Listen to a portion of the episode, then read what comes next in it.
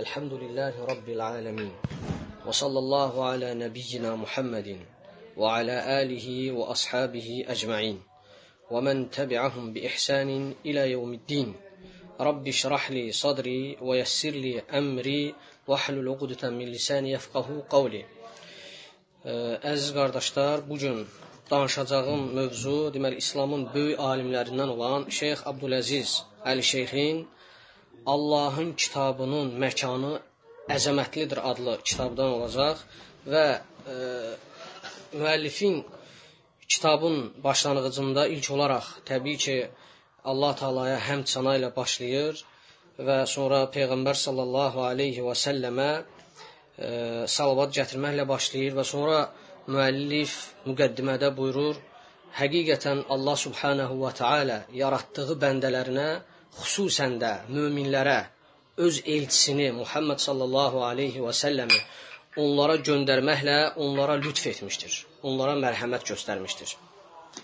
Bununla yanaşı kitablarının, yəni Allah Taala kitablarının ən əfsəlini nazil etmişdir. Yəni Qurani-Kərimi və onu sonuncu kitab etmişdir. Və eyni zamanda da bu kitabı əvvəlki kitabların üzərinə bir qoruyucu etmiştir. Muhafaza eden etmiştir. Allah Subhanahu ve Teala öz kitabında buyurur. Euzu billahi mineşşeytanirracim. لقد من الله على المؤمنين إذ بعث فيهم رسولا من أنفسهم يتلو عليهم آياته ويزكيهم ويعلمهم الكتاب والحكمة وإن كانوا من قبل لفي ضلال مبين Allah müminlere öz aralarından onlara Allah'ın ayelerini okuyan onları günahlardan təmizləyən, onlara kitabı və hikməti, yəni sünnəni öyrədən bir elçi göndərməklə onlara lütf etmişdir, mərhəmət göstərmişdir.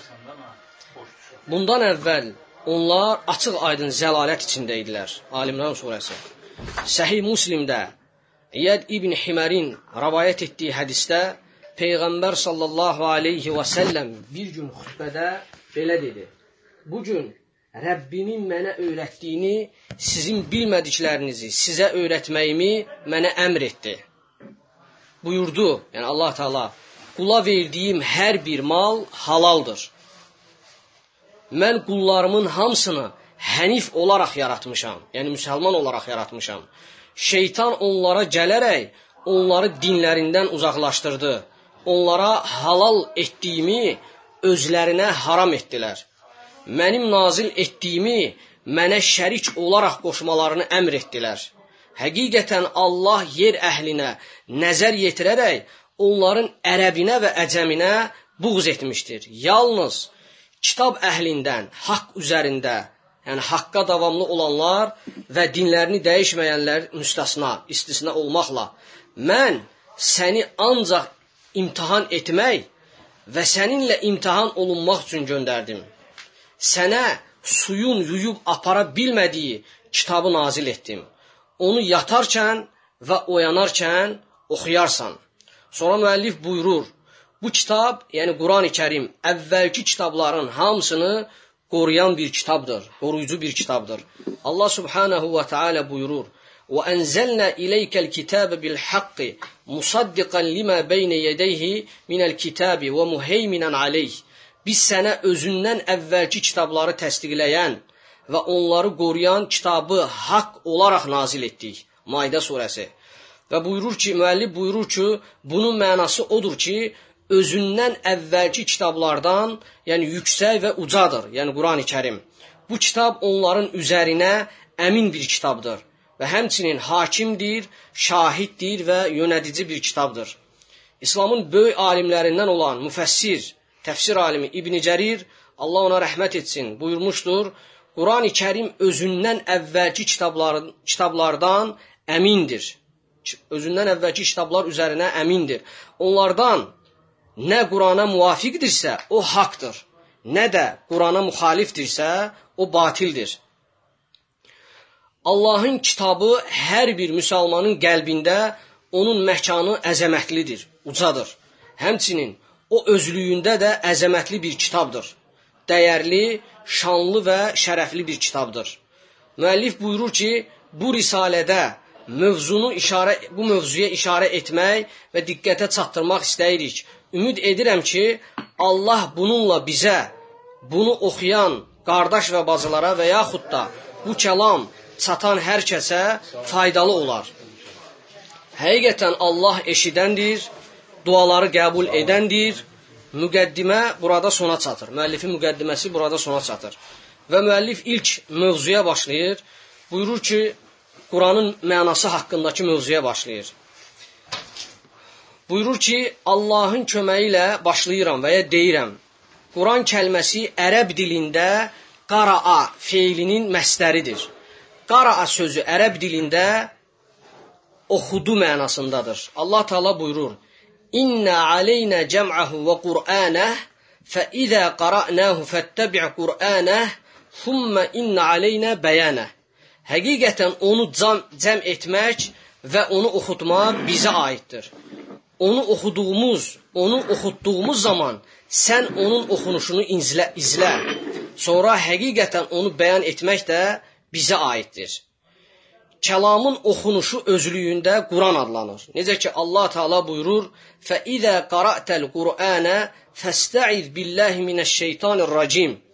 Quranı oxumaq istədikdə qovulmuş şeytandan Allaha sığın. Nəhl surəsi. Quran həqiqətən Allahın kəlamıdır. Onun ləfsi və mənası Allah Taala tərəfindəndir.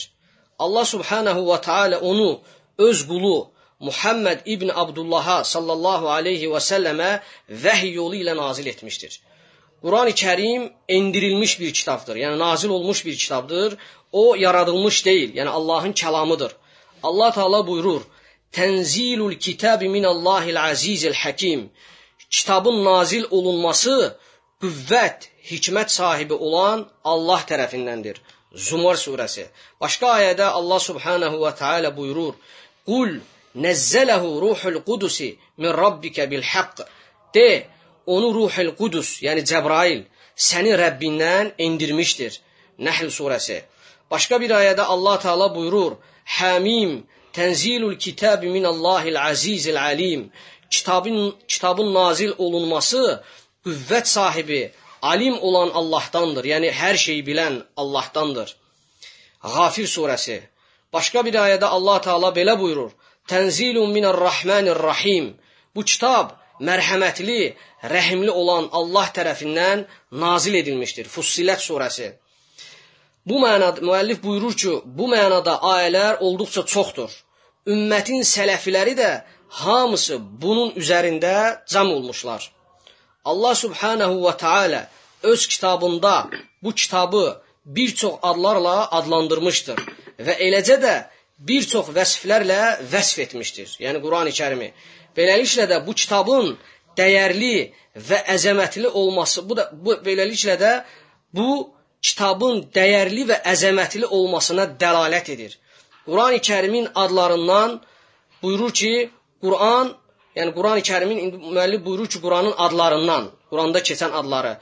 Quran, Furqan, yəni haqqı batildən ayıran, Kitab, Hudə, yəni doğru yolu göstərən, Nur, şifa, yəni şifa, şəfa verən. Əl-Bəyan, Əl-Məvizə, yəni öyüd nəsihət edən, verən. Ər-Rahmə, yəni mərhəmət göstərən, mərhəmət edən.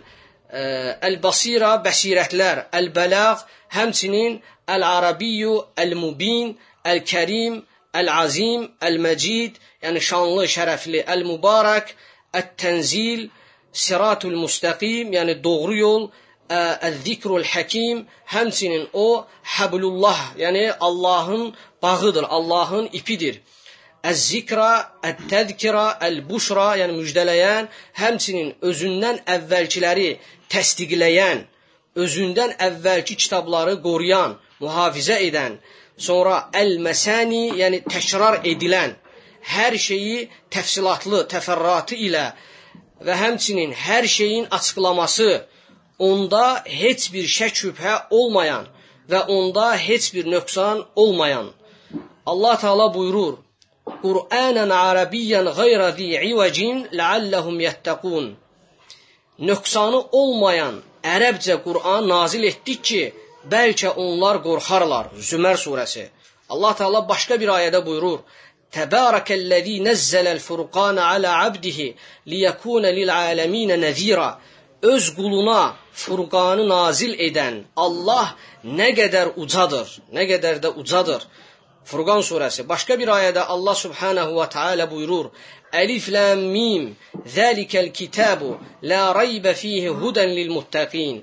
O şək şübhə olmayan müttəqilərə doğru yol göstərən bir kitabdır. Bəqərə surəsi. Başqa ayədə Allah Taala buyurur: "Qul men kana aduwwan li Cibrila fa innahu nazzalahu ala qalbika bi idnillahi musaddiqan lima bayna yadayhi wa hudan wa bushra lil mu'minin." Cəbrailə düşmən olan kəs üçün de: Həqiqətən o onu, yəni Quranı Allahın izni ilə özündən əvvəlkiləri təsdiqləyən, doğru yol göstərən və möminlərə müjdə verərək sənin qəlbinə nazil etdi. Bəqərə surəsi. Başqa bir ayədə Allah subhanahu və taala buyurur: "Zəlikə netluhu aleyke minəl ayati və-zikril hakim." O sənə oxuduğumuz onun ayələrindən və hikmətindən və zikrindəndir. Alimran surəsi. Başqa ayədə Allah Taala belə buyurur: "Ya eyyuhan nasu qad ja'akum burhanun min rabbikum və anzalna ilaykum nuran mubina." Ey insanlar, Rəbbinizdən sizə burhan, yəni açıq-aydın dəlil gəlmişdir və biz sizə açıq-aydın bir nur, nur nazil etdik. Nisa surəsi. Allah subhanahu və taala başqa bir ayədə belə buyurur: Ey insanlar, Rəbbinizdən sizə öyüd nəsihət, qəlblərdə olanlara, yəni sinələrdə olanlara şəfa, möminlərə doğru yol göstərən və mərhəmət gəlmişdir. Rəhmət gəlmişdir. Yunus surəsi. Allah subhanahu və taala Digər bir ayədə belə buyurur: İnne hadzal Qur'ane yehdi lillati hiye aqwamu ve yubashshirul mu'minina allazina ya'maluna salihati enne lehum ecran kebira. Həqiqətən bu Qur'an qövmləri doğru yola yönəldir və salih əməllər edən möminlərə onlar üçün böyük bir əcrə, mükafata nail olacağı ilə müjdə verir. İsra surəsi. Allah Cəllə və Alə başqa ayədə belə buyurur: الحمد لله الذي أنزل على عبده الكتاب ولم يجعل له عوجا قيما لينذر بأسا شديدا من لدنه ويبشر المؤمنين الذين يعملون الصالحات أن لهم أجرا حسنا kitabı öz quluna nazil edən və onda heç bir nöqsana yol verməyən Allaha həmd olsun. Allah öz tərəfindən gələcək şiddətli əzabla qorxutmaq və salih əməllər edən möminləri gözəl mükafata nail olacaqları ilə müjdələmək üçün doğru şəkildə nazil etdi. Yəni Qurani-Kərimi, Kəf surəsi. Allah subhanahu və taala başqa bir ayədə belə buyurur: "Bəl huve Qur'anun məcid fi lawhin mahfuz." Əlbəttə o Quran şanlı, şərəflidir. O lövh-i məhfuzdadır. Yəni qorunan lövhələrdədir. Buruc surəsi. Allah azza və cəllə Başqa ayədə buyurur: "İnnehu lequr'anun kerim fi kitabin meknun la yemassahu illa'l mutahharun tenzilun min rabbil alamin." Həqiqətən o Quran dəyərlidir. Qorunub saxlanılan bir kitabdadır. Ona ancaq pak olanlar toxunur. O aləmlərin Rəbbi tərəfindən endirilmişdir. Vaqiə surəsi. Bunlardan başqa bir çox ayələr də var. Müəllif buyurur ki, bunlardan başqa, yəni bir çox ayələr də var, mövcuddur. O ayələr də bu əzəmətli kitabın adları və sifət o ayələrdə də bu əzəmətli kitabın, yəni Qurani-Kərimin adları və sifətləri var, mövcuddur. Sən bu kitabın qədrinin, əzəməti haqqında və onun şanlı, şərəfli, eyni zamanda uca olması haqqında xəbərdar olursan. Necə ki, bu kəlamla danışan o Rəblərin Rəbbi, o nöqsansızdır. O Rəblərin Rəbbidir. Nöqsa o nöqsansızdır, pakdır. O gizlində və açıqda olanı biləndir. Allah Subhanahu və Taala buyurur: ولو أن ما في الأرض من الشجرة أقلام والبحر يمده من بعده سبعة, سبعة أبحر Səb'ətə əbhurin mə nəfidət kəlimatullahi innallaha azizun hakim. Əgər yer üzündəki bütün ağaclar qələm olsaydı, dəniz mürəkkəb olub, mürəkkəb olub arxasından ona 7 dəniz də qatılsaydı, yenə də Allahın sözləri tükənməzdi. Həqiqətən Allah qüdrətlidir, hikmət sahibidir. Loğman surəsi. Bilmək lazımdır ki, müəllif buyurur ki, bilmək lazımdır ki, bu qüdrətli kitabın hər bir adı və hər bir sifəti xüsusi mənaya dəlalət edir. Əgər mövzu uzun olmasaydı, qalanını da müəyyən dərəcədə başa düşmək üçün çatdırardıq. Və burada müəllifin sonu son, sözü sona çatır və Allahdan istəyirəm əziz qardaşlar bizi eşidib faydalanan qullarından etsin və bizi bağışlanan qullarından etsin. Subhanakallahumma və bihamdik əşhədu an la ilaha illa ent أستغفرك وأتوب إليك.